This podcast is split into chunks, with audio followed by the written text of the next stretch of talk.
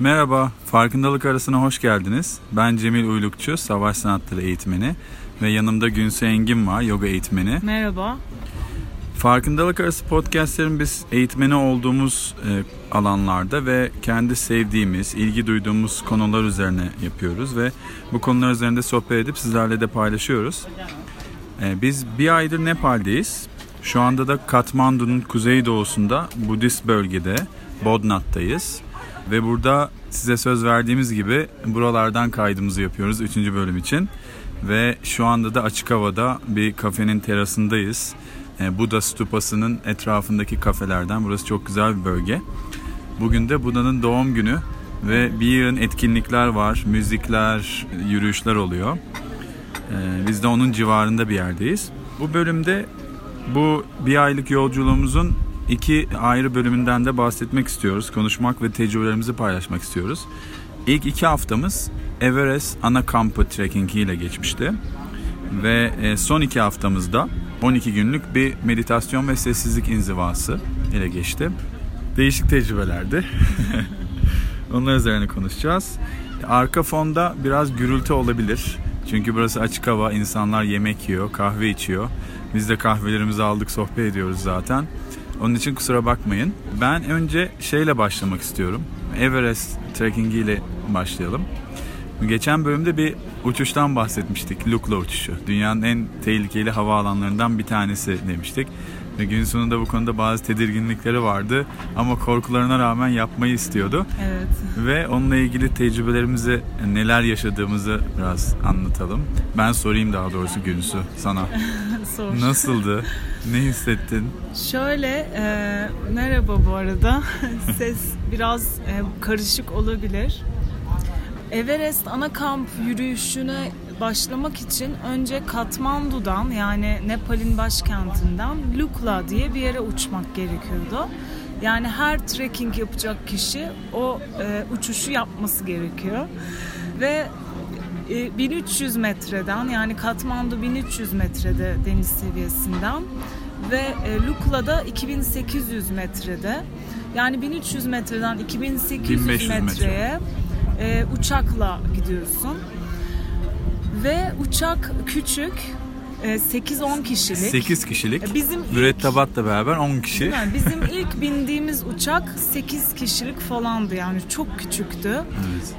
ve e, o kadar küçük bir uçaktı ki ben önce korktum çünkü daha Uçağın önce tüm hareketini hissediyorsun. evet daha önce hiç öyle bir uçağa binmemişim ve e, aynen bütün sallanmaları, dönüşleri, türbülansları en ince ayrıntısına kadar hissediyorsun. Ancak hiç korktuğum gibi Hava olmadı. gayet iyiydi giderken. Açıktı. Bulut yoktu çok. Evet hava açıktı ve o yüzden çok türbülans da olmadı ve dağları da görebildik. Eğer Lukla uçuşunda uçağın sol tarafına oturursanız e, dağları görebiliyorsunuz. Ben de bu bilgiyle hemen sola oturmuştum. Ve e, 30 dakika sürüyor uçuş. O 30 dakikalık e, uçuştan sonra Lukla O Havalimanı'na uçurum varıyorsun. pistini görüyorsun. Evet ve Lukla Havalimanı'ndaki pist aynen dediğin gibi bir uçurumun ucundan başlıyor ve bir rampa var. Pist kısa olduğu için bir rampa şeklinde tasarlamışlar e, havalimanını ki Aşağı eğimli. Ve kalkarken de hız alabilsin. Aynen kalkarken de uçuruma doğru Hızlanabilsin. hızlanabilsin. Hatta eskiden daha kısaymış pist. Uçuruma düşüp boşluktan yükseliyormuş. Evet daha da korkutucu. Neyse ki biraz daha uzatmışlar ki Evet. düşüş olmadan kalkabiliyor uçaklar. Evet sonra Lukla'ya indik. Ben de Luke'la e, şey uçuşuyla ilgili şey söyleyeyim. Ben de açıkçası biraz gerildim başta. Çünkü o kadar küçücük bir tüpün içindesin ki. Sonra Lukla'ya indik. 1500 metre irtifa aldık bir anda. Evet ben Lukla'ya ilk indiğimizde yani 2800 metre rakıma e, çıktığımızda biraz sarsıldım hatırlıyorum ve başım dönmeye başladı. Beynim çalışmıyor yani hiçbir şey düşünemiyorum. Cemil bana bir şeyler söylüyor anlamıyorum kesinlikle falan. E, sonra yola çıktık. Yani O gün Ee, bir yürümemiz gerekiyordu 4 saat kadar. Evet. İlk konaklayacağımız yer olan Pakting'e. Pakting'e gittik. Evet Pakting'e Şimdi gidecektik. şöyle ki yüksek irtifaya bedenin uyumlanması için o gün içerisinde çıktığın yüksekliğin biraz daha aşağısında uyuman gerekiyor. Ne diyorlardı? Walk high, sleep low. Aynen. Yüksek yüksekte yükseğe doğru yürü, yükseğe alçakta uyu. alçakta uyu. Dağcılar bunu zaten çok iyi biliyor, hep yapıyorlar. Evet ve aklimatizasyon için yapılıyor bu. Biz de e, 2800 metreden ilk günde Pakding'e indik. O da 2500 metreydi sanırım değil mi? Çok fazla bir fark yoktu orayla. Ama aşağı indik. Alçalmıştık evet yani 2 300 metre kadar aşağı indik. İlk indiğimizde tabii herkes heyecanla hemen Pakting'e yola çıktığı için koşturuyordu. İlk başlarda bir anlamadık olayı yani keyif alamadık etrafa bakamadık sonra dedik ki bir saniye bizim acelemiz yok yavaş yavaş yürüyeceğiz etrafa baka baka fotoğraf çeke çeke yürümeye başladık. Yani ilk indiğimizde aslında ben de biraz değişik hissettim ama ben şey gibi hissettim. E, şehrin içinden bir ormana girersin bir anda oksijen çarpar ya seni. Hani Evet. Öyle bir şey hissettim ama Sersemlik. ama aslında sanırım bende de bir miktar oldu. Ee, adapte Ama olabildim ama. Pakding'e gidince oldu. Evet. Pakding yine bir köy.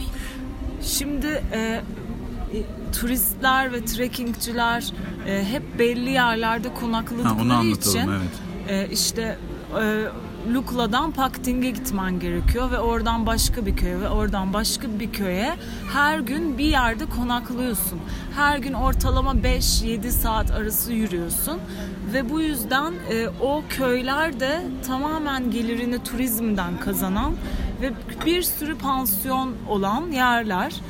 Biz ilk gün Pakding'de hatırlarsan e, bayağı e, sersemledik. Evet. Ha bu arada o Pakding'de konakladığımız gece, konakladığımız otelde bir tane e, çok usta, deneyimli ve çok meşhurmuş orada bir Sherpa dağcıyla karşılaştık, tanıştık. Ve Şerpalar da e, şu anda büyük çoğunluğu orada guide'lık yapıyor, rehberlik yapıyor. Eskiden ticaretle uğraşıyorlarmış.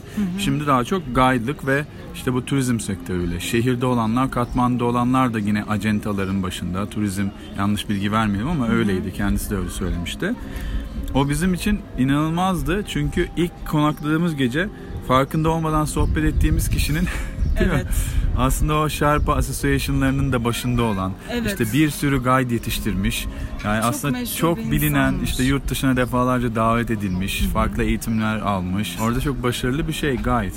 Evet, Şarpalar aslında daha önce Tibet'te yaşayan, yani daha kuzeyde yaşayan ve zamanla bu Nepal'in dağlarına ve oradan işte daha da şehirlere gelmeden dağlık bölgelere göç eden halklar ve e, Şerpa'nın anlamı şey demekmiş. Aslında Şerva kö, e, kökünden geliyormuş. Şer doğu demek. Va'da insan demekmiş. Doğu bilmiyordum. insanı. Bu da şuna gönderme yapıyor. İşte Tibet'in o kuzeydoğuda yaşayan insanı anlamına geliyormuş. Hmm. Ve bu Şerpalar da bir etnik kökenin ismi aslında. Bir e, halkın ismi. Yani bir meslek me- e, meslek falan değil. Aha. Ve e, çok saygın insanlar Evet. orada Şerpalar. E, ve e, biz de böyle birisiyle tanıştık. ne kadar mütevazi bilgisini hala yıllardır bu işi yapıyor ve bir sürü insan yetiştirmiş. Evet. Ve sanki ilk defa ilk günkü gibi anlatıyor. Yani çok etkilemişti o. Yani Evet, beni açıkçası tutkuyla anlatıyor, paylaşıyor ve ne gönüllü. sorsak biz de tabii ilk günümüz ve çok merak ediyoruz. Evet. İrtifaya nasıl adapte oluruz? İşte e, yol boyunca konaklayacağımız yerlerle ilgili, onun tecrübeyle ilgili. O da o kadar böyle tatlı tatlı anlattı, bizimle paylaştı ki. Evet. Yani biz onu tutmayalım diye başta böyle sıkı- sıkıldık soru sorarken sonra baktık ki o da bize anlatmak, paylaşmak istiyor. Öyle uzun uzun sohbet etmiştik. E, ismi de neydi? Lakpa Norbu Sherpa. Hatırlıyorum. Lakban Orbu ne demek acaba? Cumartesi. Evet öyle bir şey. Cuma falan. Cuma haftanın bir günü çünkü olması lazım. Hangi gün doğduysa bebek o, o, o- onun ismini Aynen. veriyorlarmış. Çok enteresan. Evet o gün işte Pakding'de konakladık ve e, e, birazcık sanırım sende baş ağrısı oldu. Ben zaten e, o usta şerpayla, büyük ustayla Büyük sohbet ederken yani çok keyif alıyorum sohbetten. Bir yandan da başımla ve baş dönmesiyle falan mücadele ediyordum. Evet. Çünkü bir de kaç saat sonra irtifa etkisini gösteriyormuş? 18-20 saat içinde Yok gösteriyormuş. 6-10 saat. 6-10 muydu? 6-10 öyle bir şey. Öyle bir şey sanırım. Yani biz Katman'dan zaten bir 1500 metre direkt irtifa alarak 30 dakika içinde zaten o ve sonrasındaki şey e, yürüme üzerine yorgunlukla hani bir adaptasyonda herkes bunu kesinlikle yaşıyormuş. Evet. Bazı insanlar bunu işte farklı ilaçlar var onlarla işte kanı sulandıran işte ilaçlarla dengeleyebiliyorlarmış. Ee, biz ilaç kullanmak istemedik. Biz yorgunlukla beraber o biraz Evet. bir çarptı. O, o Evet. çok normal. Biz hiç daha önce yaşamadığımız için de. Konakladıktan sonra ertesi gün gayet iyi hissediyorduk. Ve yola devam ettik. Pakting'den sonraki durak aslında Namche Pazar'dı. Yani 3400 metrede ki Namche Pazar. Ancak biz e, biraz daha aklimatize olmak için, daha yavaş ilerlemek için daha ara bir durak olan ki orada da çoğu trekkingçi konaklıyor. Monju köyünde e, konakladık. Monju köyü 2800'dü. Evet doğru doğru. Ve e, aynı Lukla gibi. Monju köyü çok güzeldi. Ben çok sevdim. Evet çok güzel sakin e, minik böyle tapınakların olduğu Evet. yol boyunca bu arada e, Budist e, şeyleri var anıtları Evet. tapınakları ve işte Bir sürü dua çarkı lamaların var. mezar anıtları Evet ve bir sürü dualar yazılı olan kayalar var dev gibi. evet Yani şöyle hatırlatalım bu arada dağlarda bu yaşayan insanlar, bu şerpalar ve bütün halk e, Budist aslında yüzde yani neredeyse 98'i Budist. O yüzden hani onları görüyorsun daha çok. Ve e, Monju köyünden bir gece konakladıktan sonra e, Namche Bazar'a yola çıktık. Beni en çok zorlayan kısım oydu. Çünkü bitmiyor. Yani hep yokuş çıkıyorsun. 2800 metreden 3400'e kadar çıkıyorsun ve hep yokuş. yani bir 6-7 saat 7 saat sürmüş müydü sanırım olabilir. 6-7 saat yokuş yukarı Evet. Moncu köyünden çıkış Sagarmata Milli Parkı'na giriş bu arada. Sagarmata Milli Parkı da bütün bu dağları da içine alan büyük bir milli park. Yani oradan itibaren sanırım hep Sagarmata Milli Parkı'ndasın. evet Değil mi? Ve kapıda... Namche de o parkın içi mi sayılıyor? Evet sanırım. Ve Sagarmata Milli Parkı'na girerken kapıda tabii böyle resimler var. İşte bu e, orman bu arada Milli Park.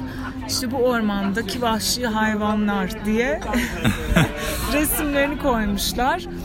İşte aslan, işte leopar. Günsü bitiren hayvanı Pardon söyleyeyim. aslan A- değil ayı. Ayı. Aslan, leopar falan. Her Böyle şey var. ben o ayıyı gördükten sonra birkaç adım geri attım. Çünkü ayı e, hayvanına pek Ayı hayvanı. şey değiliz. Ay bayılıyorum. Yani Çok bence de hayvan ama şöyle sonra da sormuştuk zaten de ben o anda da söyledim. Ya bu girişe turistlerin ilgisini çekmek için çünkü o hayvanları fotoğraflamak için gelen bir sürü insan var. evet. Ve onun ilgisini çekmek için oraya koyuyorlar. Yani o ayının insanların ses yaptığı sürekli Evet, yürüdüğü bir yere gelmesinin öyleymiş. çok Tamamen imkanı yok. turistik. Evet tamamen Çok nadir görüyorlarmış. öyleymiş. Sagarmata Milli Parkı bayağı e, orman. Vahşi. Ormanın içinden gidiyorsun. Fakat şunu hatırlatalım. Bu trekking boyunca yani gerçekten hiç e, insanın ayak değmediği bir yol yok. Her zaman birisiyle karşılaşıyorsun. Her birkaç saatte bir konaklayabileceğin, durup Kesinlikle. yemek yiyebileceğin bir yer var. Evet. Su kaynağı her yerde Evet. var. Ve hiç yalnız değilsin. O çok Evet. önemli. Yani Evet. böyle dağ başına gitmiş hissi olmuyor. Çok güvenli. Tek başına Evet. so- e, seyahat eden insanlar da vardı. Ve kaybolma riski de yok gibi. Çünkü o kadar her şey e, belirli ki çok yapılan popüler bir rota olduğu için tabelalar belli şu kadar saat şu kadar kilometre kaldı şu irtifadasın falan diye.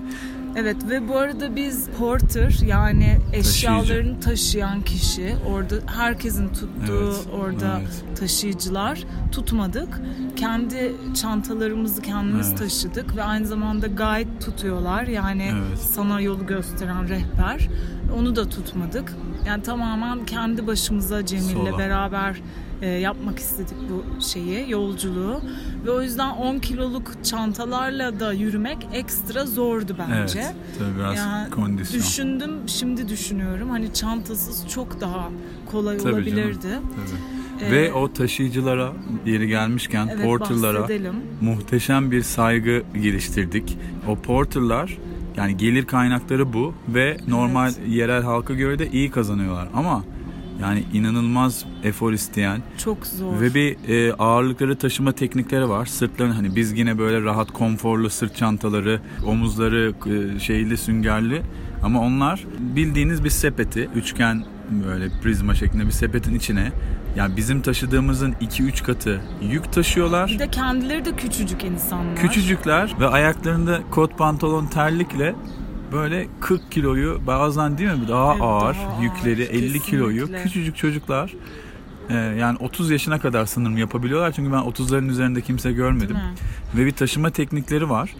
Alınlarına bir kayış kemer Evet. bağlıyorlar. Ve öne böyle 45 derece açıyla yere bakarak elleri arkada sepette böyle adım adım adım adım çıkıyorlar. Ve inanılmaz saygı duydum. Çok, Çok zor, bir zor iş bir yapıyorlar.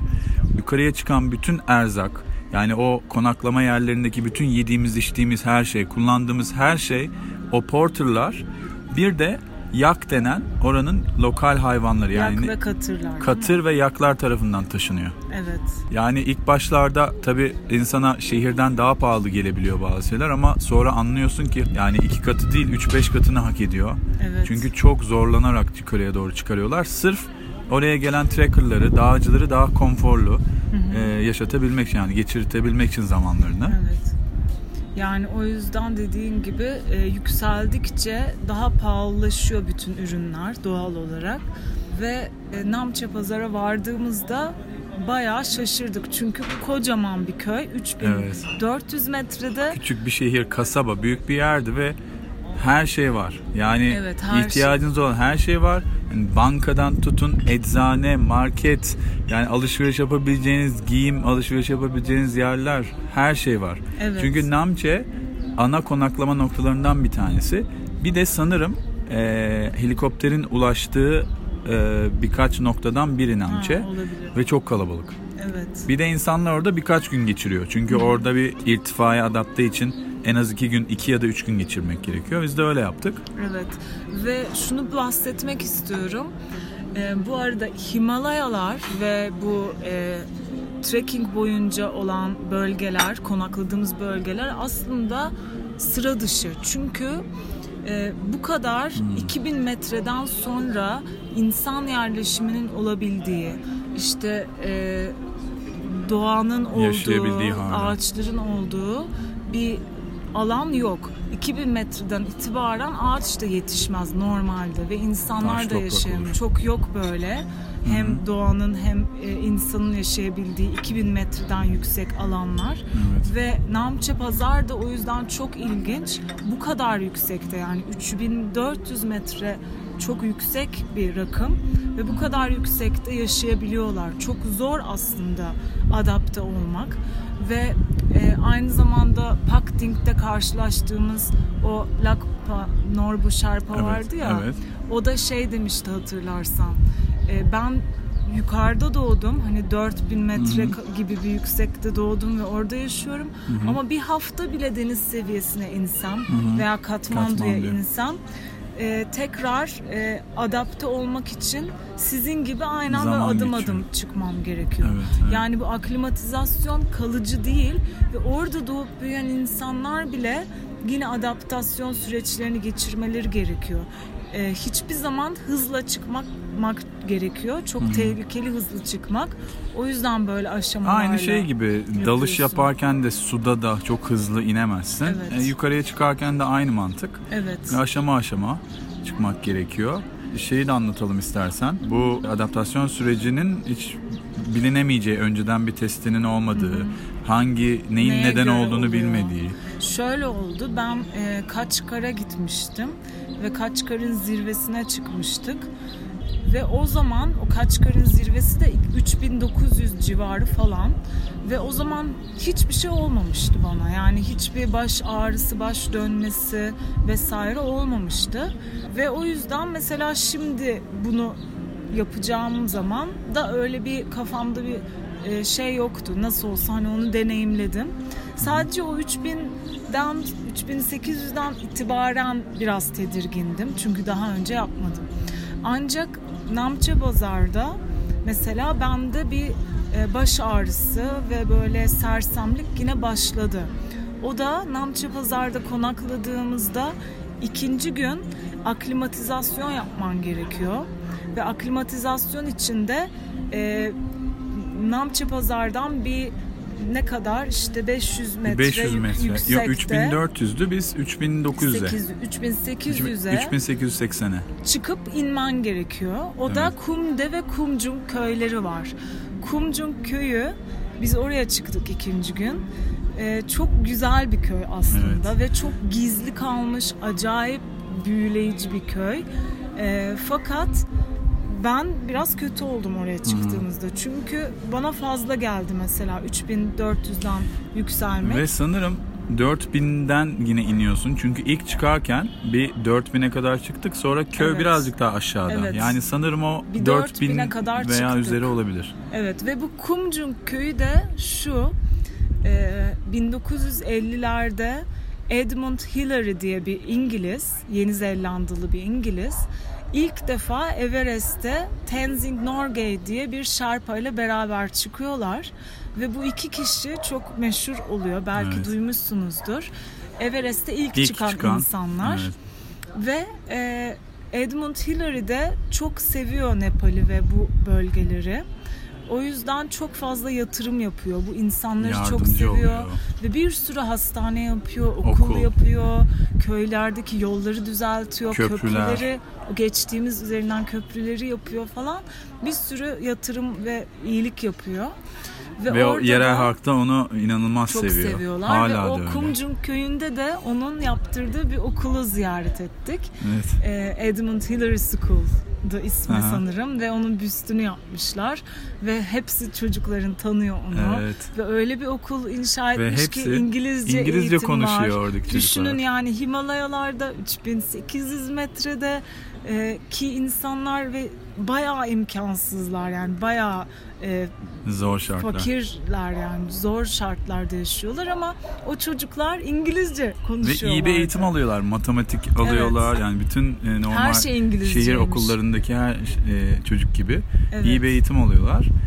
Ve orada biz bir tane şeyde küçük bir köy restorandı. Bu arada hep böyle e, evlerin önünde küçücük bir bölüm yapıyorlar. Evet. Kendi mutfaklarında kendilerine yemek pişirip gelen turistlere ve trekking yapanlara da e, bir menü sunuyorlar. Orada yiyebiliyorsun. Evet. Bizim favori yiyeceğimiz, daha doğrusu çorbamız Neydi? sarımsak çorbası. Evet. Yani hayatımızda bu kadar sarımsak yememişizdir. Onu öğrenmeliyim. Yani şunu da öğrendik önce. İşte irtifa adaptasyonunda bir Amerikalı çift vardı rehber. Bir akşam onlarla sohbet ettik. Onlar dedi ki burada bir de irtifa için şey ilaç kullanmak istemiyorsanız e, işte soğan, sarımsak onlar da çok iyi gelir. Buranın en meşhur e, çorbalarından bir tanesidir mesela sarımsak Evet. çorbası. Çünkü sarımsak ve soğan kanı sulandırıyor ve tansiyonu düşürüyor. Değil Evet. mi sanırım? Basıncı düşürüyor. yani Basıncı kan düşürüyor, basıncı düşüyor. Kan basıncını. E, yükseldikçe ondan Kan da basıncı bahsedelim. evet. Yükseldikçe e, şöyle oluyormuş. İrtifa yükseldikçe e, oksijen seviyesi azaldığı için e, kandaki al yuvarlar yani kırmızı kan hücreleri çoğalıyor ki daha fazla oksijeni muhafaza etsin. E, ve kandaki o al yuvarlar çoğaldıkça kanın da daha pıhtılaşıyor, daha yoğunlaşmaya başlıyor.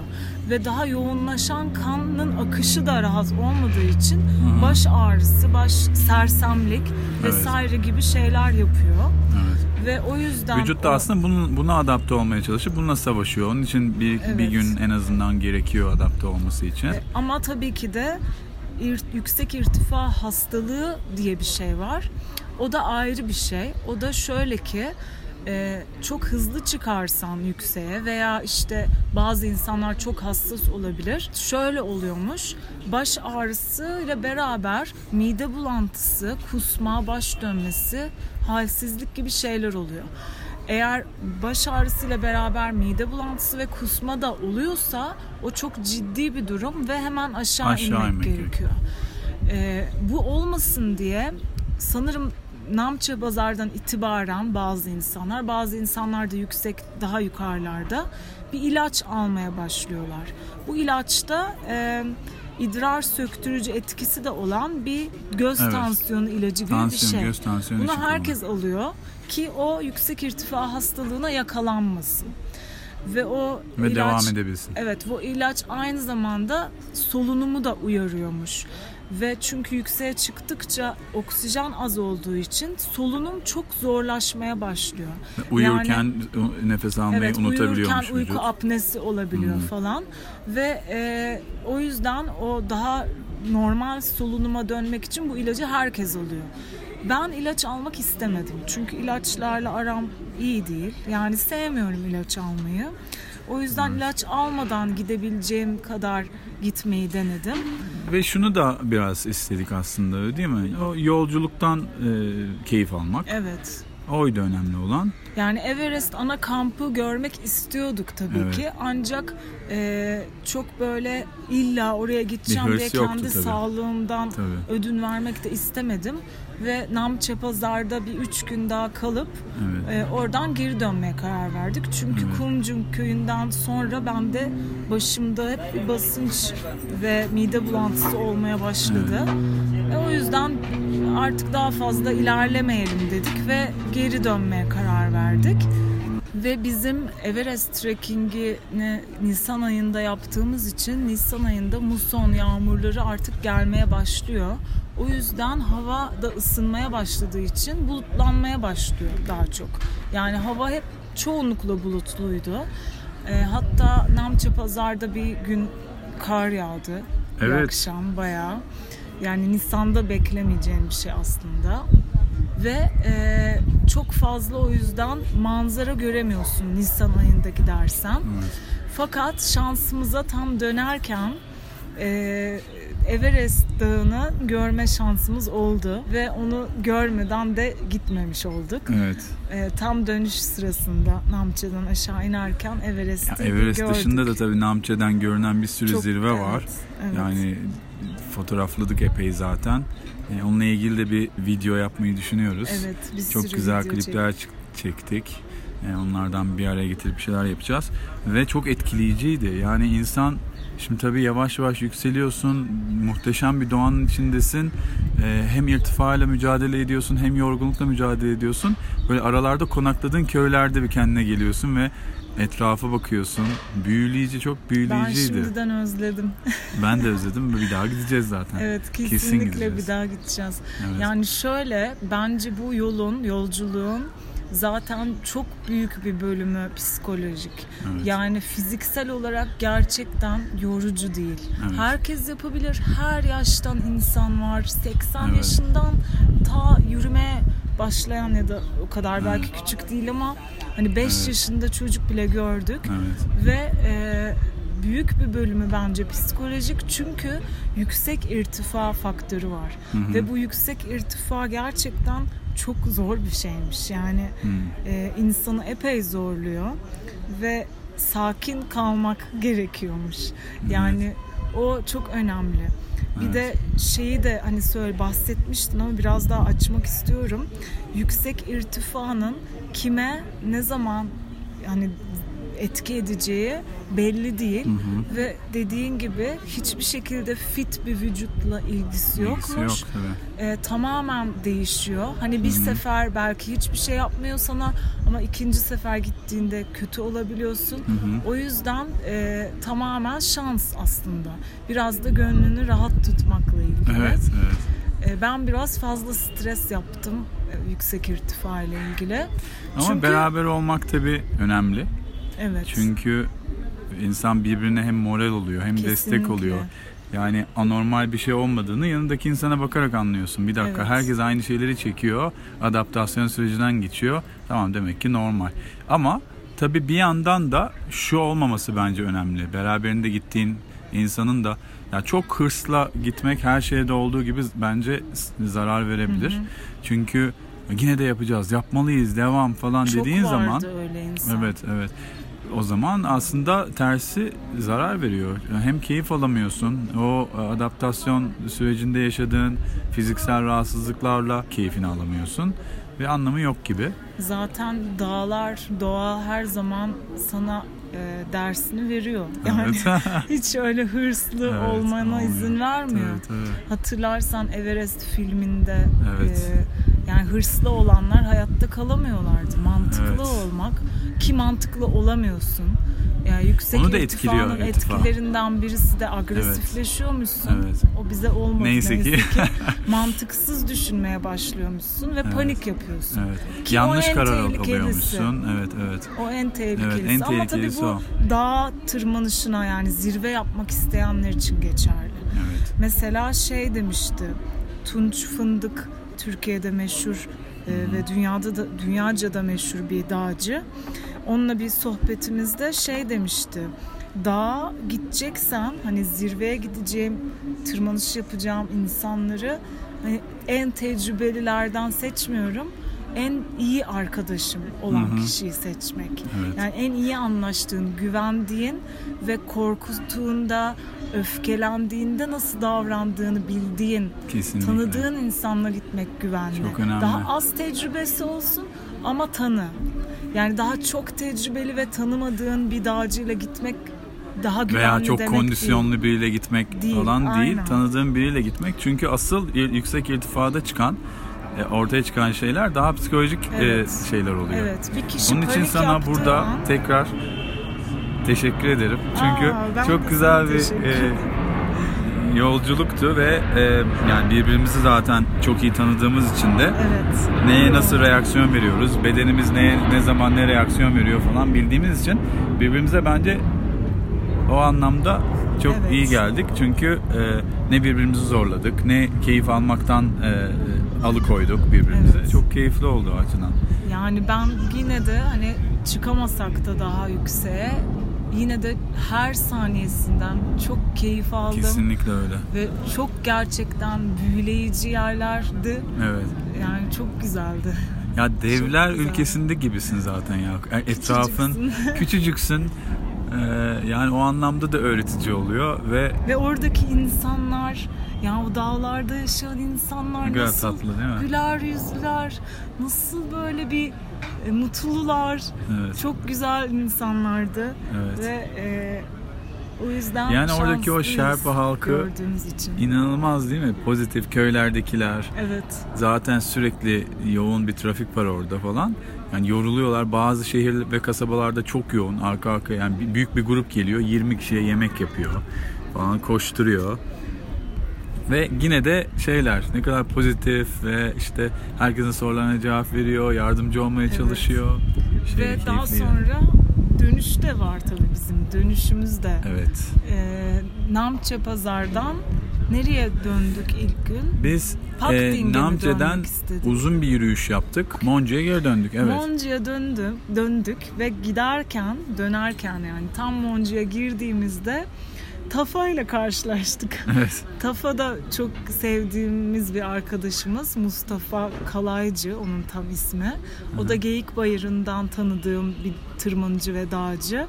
Ve o da geliyordu o sırada. Aha. Aynı zamanda Everest Rehber. rehberliği yapıyor. Yani Kendi bu grubuyla geliyorduk ve köyün girişinde karşılaştık. Tam ka- girişinde köyün karşılaştık. Sonra o bir gece işte kaldık. Onlar da orada kalıyorlardı.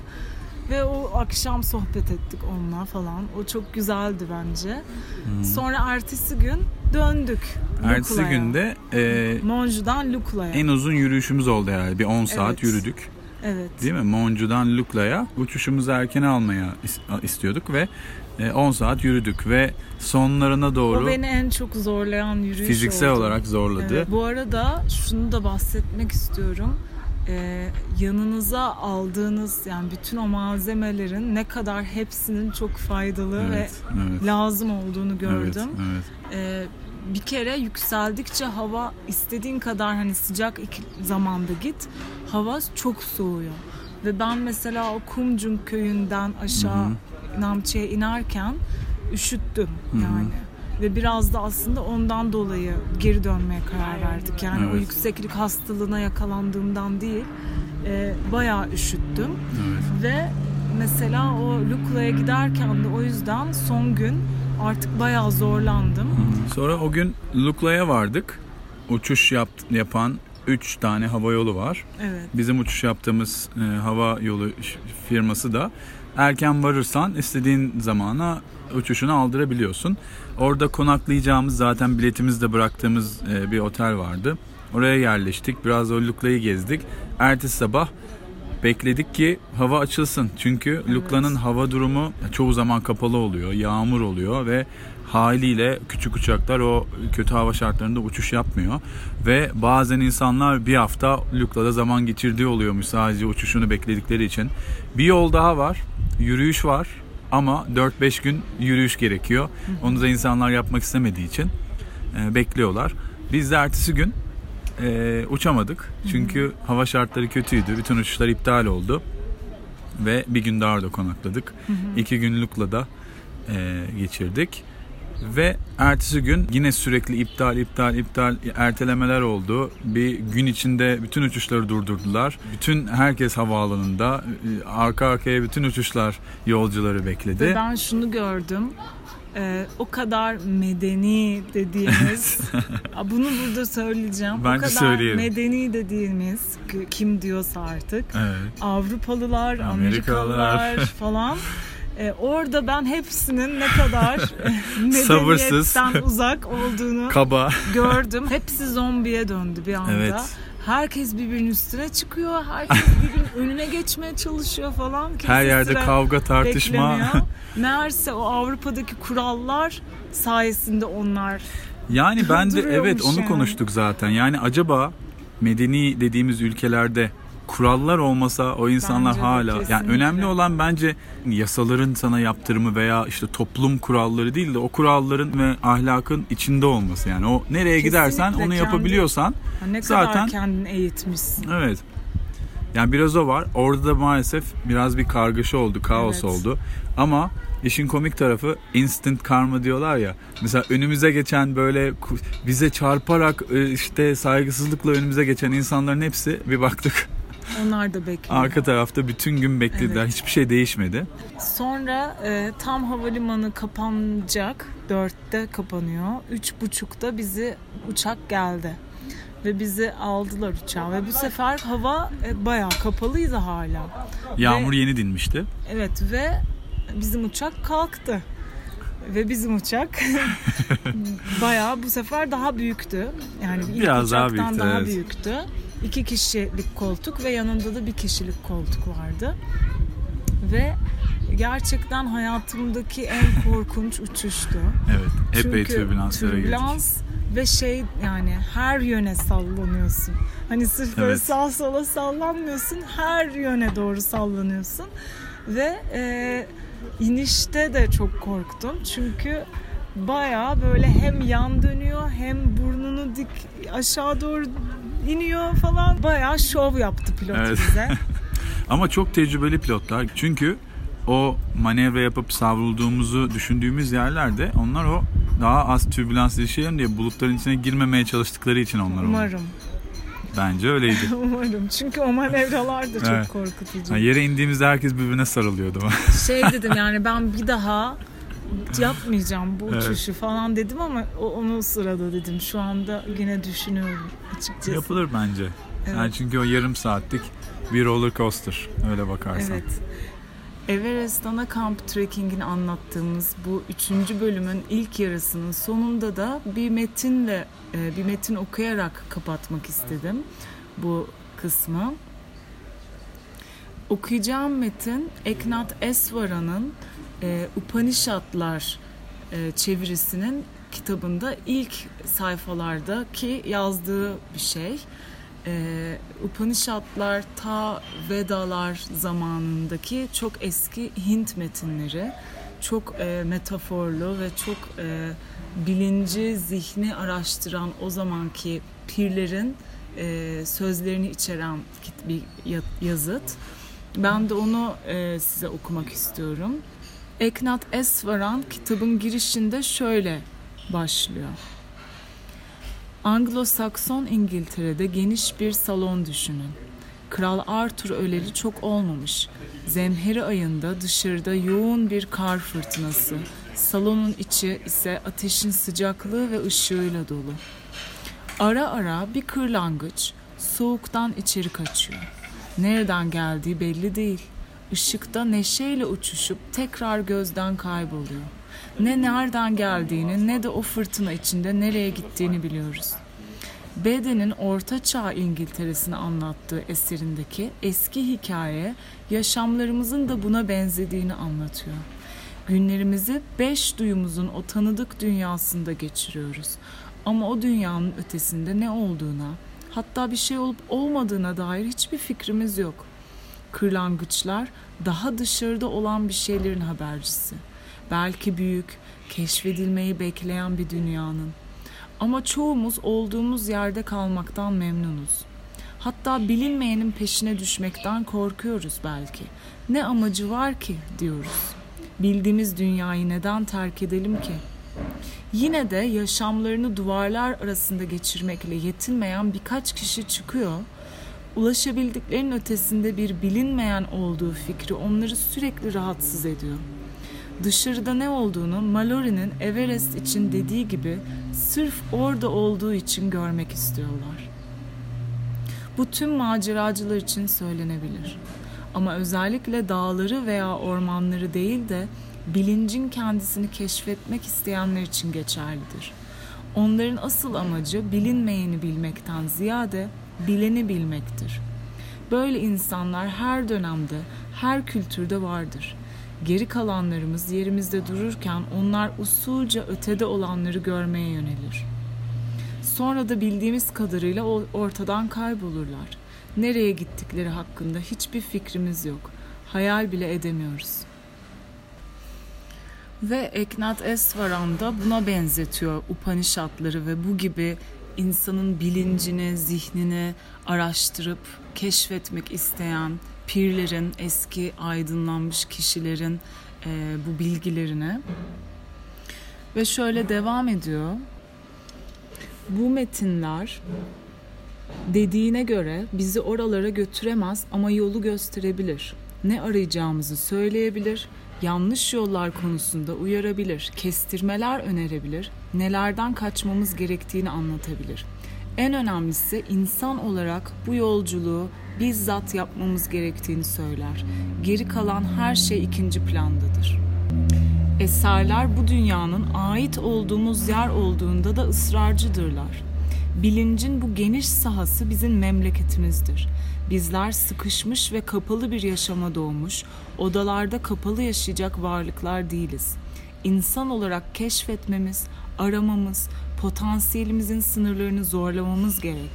Duyuların dünyası yalnızca bir üsttür. Bilinçte de fiziksel dünyada olduğumuz kadar rahat olmamız gerekir. Çok güzel bir yazı. Ben çok etkileniyorum her okuduğumda. Ve Everest'teki o yolculuğumuzla beraber şimdi birazdan da devam edeceğimiz o Vipassana e, hikayemiz de çok güzel bağlıyor aslında birbirine. Evet. Bu birinci kısmı, üçüncü bölümün Everest'le ilgiliydi. Şimdi bundan sonra Vipassana meditasyon kursunu, o 10 günlük inzivayı, Buda'nın öğretisini anlatacağız. E, lütfen onu devam ederek dinleyebilirsiniz.